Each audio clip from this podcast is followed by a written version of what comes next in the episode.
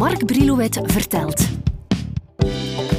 Een swingende podcastreeks over de meest iconische hits en hun al even legendarische uitvoerders.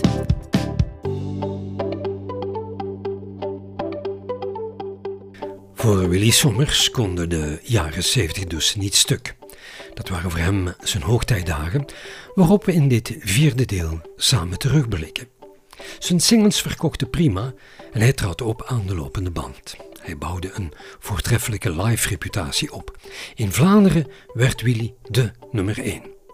Niemand had dit gigantische succes verwacht, hij zelf het minst van iedereen. Hij was er trouwens totaal niet op voorbereid. Omdat Willy zo vaak optrad, werd er snel beslist een orkest op te richten en het werd de professionele band, de Sommerstip, samengesteld met muzikanten uit degelijke andere orkesten, zeven man sterk. Het kostte dan ook een aardige cent om sommers voor een avondje te boeken, wat niet belette dat zijn agenda nog vol zat. Tot 25 keer per maand eh, optreden was vaste prik. Het werd wel een moeilijke opdracht voor zijn productieteam om het immense succes van Zeven Anjers, Zeven Rozen te evenaren. Zijn repertoire werd wel uitgebreid, wat erg handig was tijdens zijn live-optredens, die voor de rest met Engels repertoire werd aangevuld, onder meer liedjes van de Beatles en de Bee Gees. Als volgende single werd getipt op Sympathie is geen liefde, opnieuw geschreven door Armat, schuilnaam voor Roland Verloven. Geen wonder dat hier en daar werd uitgekeken hoe lang Sommers het in de Vlaamse showbiz wel zou uithouden. Ik weet nog, in het begin van mijn carrière, ik had een, uh, ja, heel veel succes. En, en ik klas soms in tijdschriften of in kranten, ja, uh, Zeven Zeven Rozen, daarna Sympathie is geen liefde, nummer 1, een beetje nog die slow nummer 1. En soms las het nog wel, ja, maar dat is allemaal te snel gekomen en dat is een dagsvlieg en uh, dat is tijdelijk. En dat heeft me soms een beetje gestoord, maar daar heb ik mij ook aan opgetrokken om, om er blijven tegen te gaan. Zo van, uh, ik zeg, ja, ik zal bewijzen dat ik geen eendagsvlieg ben. En ik heb een goede producer, Roland Verloven, een goede reputatie. En ik had een, een fantastisch orkest. En ik spande mij ook ontzettend in voor wat ik deed. En ik had een goede begeleiding van mijn ouders en van Pat Vermeers. En ik dacht, we gaan ervoor. En, en ineens, ineens, tot mijn grote verbazing ook, en van heel mijn entourage eigenlijk, was ik vijf jaar bezig als Willy Sommers. Want wij, op een bepaald moment in, in 76, zei Roland Verloven, kijk, we gaan een tournee door Vlaanderen, want je bent vijf jaar bezig. Vijf jaar Willy Sommers. En dat was, dat was eigenlijk al een, een, een mijlpaal in mijn jonge carrière. Sympathie is geen liefde, maar vroeg of laat misschien komt er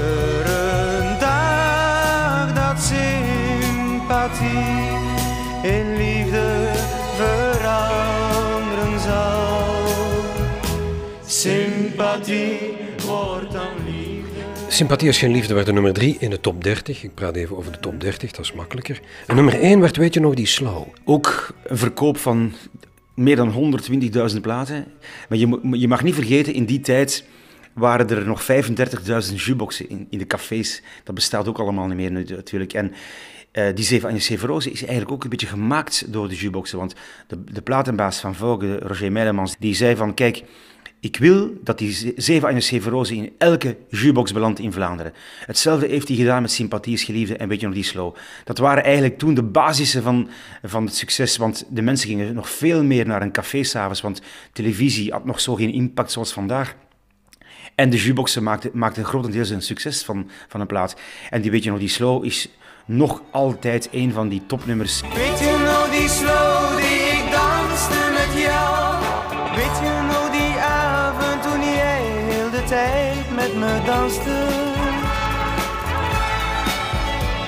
Muziek klonk als speelden er duizend gitaren. Niets kon er toen dit geluk evenaren.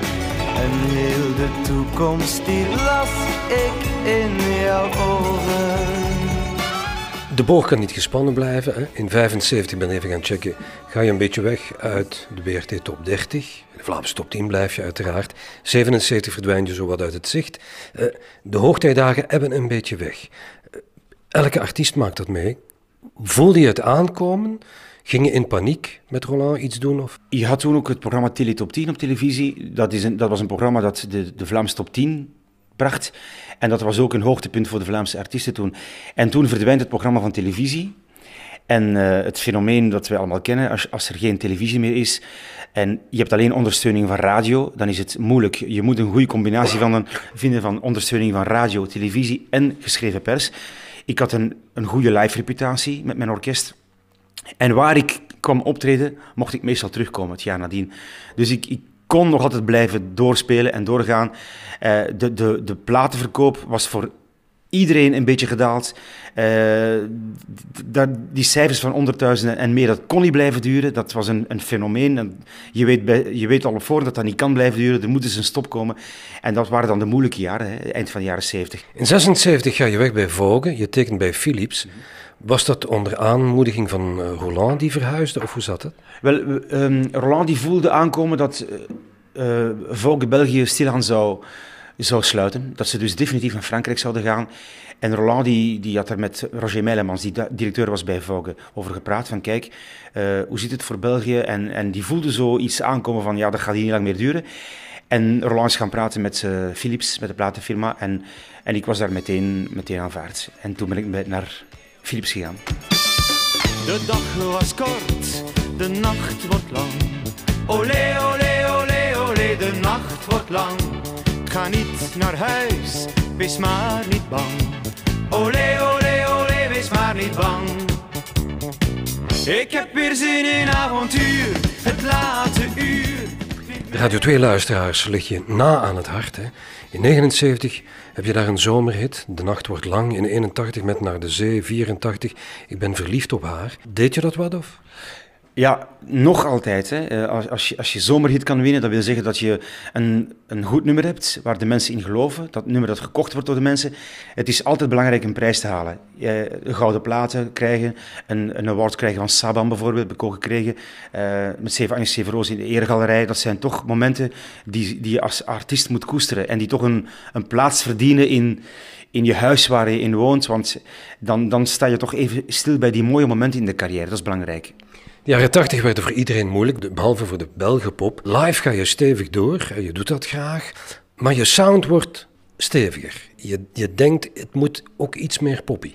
Ja, uh, Roland, Verloven is ook altijd iemand die, die uh, geluisterd heeft naar muziek uit het buitenland en, en, wat er in het buitenland gebeurt. En als het in Vlaanderen dan iets minder goed gaat, dan moet je beginnen ideeën te zoeken bij andere artiesten, internationale artiesten. Qua Nederland heb ik altijd nogal opgekeken naar Rob de Nijs. Uh, die, die, ik heb altijd een beetje zijn, zijn stijl willen brengen. Ik heb dat soms eens geprobeerd in Vlaanderen, maar dat, dat lukte niet echt. Want sommige mensen die, die zeggen mij van ja, Willy, Willy moet Willy blijven. Je moet niet, niet te, te groot overschakelen naar een ander soort van repertoire of muziekkeuze of stijl. En uh, in het buitenland heb ik altijd opgekeken en nog altijd naar Elton John bijvoorbeeld, die prachtige melodieën maakt, die schitterende melodieën maakt. En dat is nog altijd een van de basissen van een, goed nummer. Dat is een, een goede melodie, een mooie melodie. Jaren 80 gingen niet zomaar voorbij. Je zet er een klassieker neer, vind ik toch in 84, Vlaanderen de Leeuw. Alle dingen die we gedaan hebben uh, op platengebied is altijd in samenspraak geweest met Roland Verloven en met mezelf. En meestal ook met iemand van de platenfirma. En uh, Vlaanderen de Leeuw dat was het moment dat, dat wij een nummer moesten maken om een beetje op te vallen. Want het was een moeilijke periode. En we hebben dikwijls gezegd van, kijk, wat moeten we nog doen om, om te scoren of, of om nog een keer in de actualiteit te komen. En dan hebben wij gezegd, we gaan een nummer maken over Vlaanderen. En een stevig nummer waar, waar de kreet Vlaanderen de leeuw in gebruld wordt. Dat hebben, we, dat hebben we nog eens nodig in Vlaanderen. En blijkbaar was het een goede keuze, want het was, is een groot succes geworden. En plots weer klinkt de schreeuw,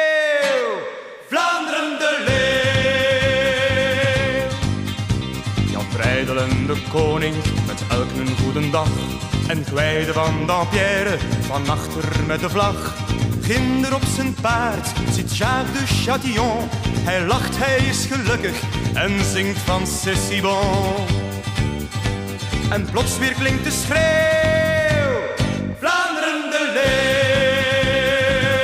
Jouw redding kwam dankzij VTM, dat mogen we zeggen.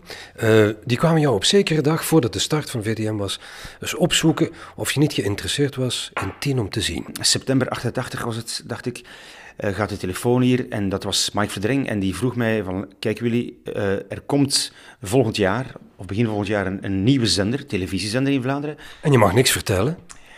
En ja, ik mocht niets vertellen. Ik had, ik had al dingen gelezen daarover. eh, Dat Walter Capio bijvoorbeeld van T- TV1 overstapte naar, naar VTM. En dat er presentatrices, eh omroepsters eh, kwamen en zo. En ik dacht van, kijk, er moet toch wel iets zijn. En toen vroeg eh Mike Verdring mij om eens te komen praten. En ik, toen zei ik ook aan de telefoon, ja, maar ik ben geen presentator, ik ben een zanger. Ja, zegt maar ik heb jou al een aantal keer te gast gehad in mijn programma Mike aan Zee. En ik vond dat wij goed met elkaar konden praten. En met mij ook mijn verleden als eh basisregentaat, Nederlands, Engels, Duits, eh, qua taal en zo, zei Mike van... Ja, ehm, kom eens tot hier, we praten erover. Volgens mij zou jij een programma kunnen pres- presenteren, een muziekprogramma. Er was ook nog geen, geen naam voor het muziekprogramma. En toen ben ik er naartoe geweest en eh, een van mijn eerste vragen was van... Oké, ik ben zanger, ik ben, ik ben geen presentator. Als ik een, een nummer heb in de hitparade, kan ik met mijn eigen nummer niet in, in het programma. En toen zei Mike van, ja kijk, als, als jij in de Vlaamse top 10 staat, want het ging dus een Vlaamse top 10 zijn, als jij in die Vlaamse top 10 staat, dan sta je sowieso ook in het programma, in het muziekprogramma als zanger. En Bea kwam erbij. Wist je dat toen al, toen je voor de eerste babbel ging? Nee, de eerste babbel ehm hadden ze gezegd van kijk, er komt nog een, een dame naast u in het programma. En toen moesten ze die nog zoeken. Ze gingen op zoek naar, naar een soort eh, eh, beauty, een fotomodel. Ze zijn op zoek gegaan in discotheken, in plaatsen waar mo- mooie mensen samenkomen. En eh, achteraf, eh, maanden later, heb ik pas gehoord dat Bea zou worden. En tot mijn grote vreugde, want ik was eigenlijk een beetje fan van Won Ton Ton en van Bea van der Maat.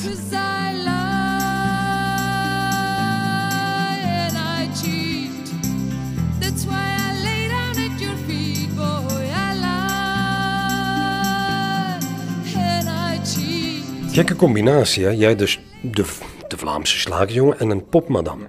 Maar dat, dat zat helemaal in de strat- strategie van Mike en Guido, hè, die, eh, die op voorhand wisten waar, welke kansen uit wilden. Want in ons eerste programma zat ook, zaten bijvoorbeeld Eddie Wally en de Skeps en eh, eh, Soul Sister en, en, en, en, en Danny Fabri bijvoorbeeld. Dat was, de combinatie was zeer vreemd, maar het resultaat was een gigantisch succes.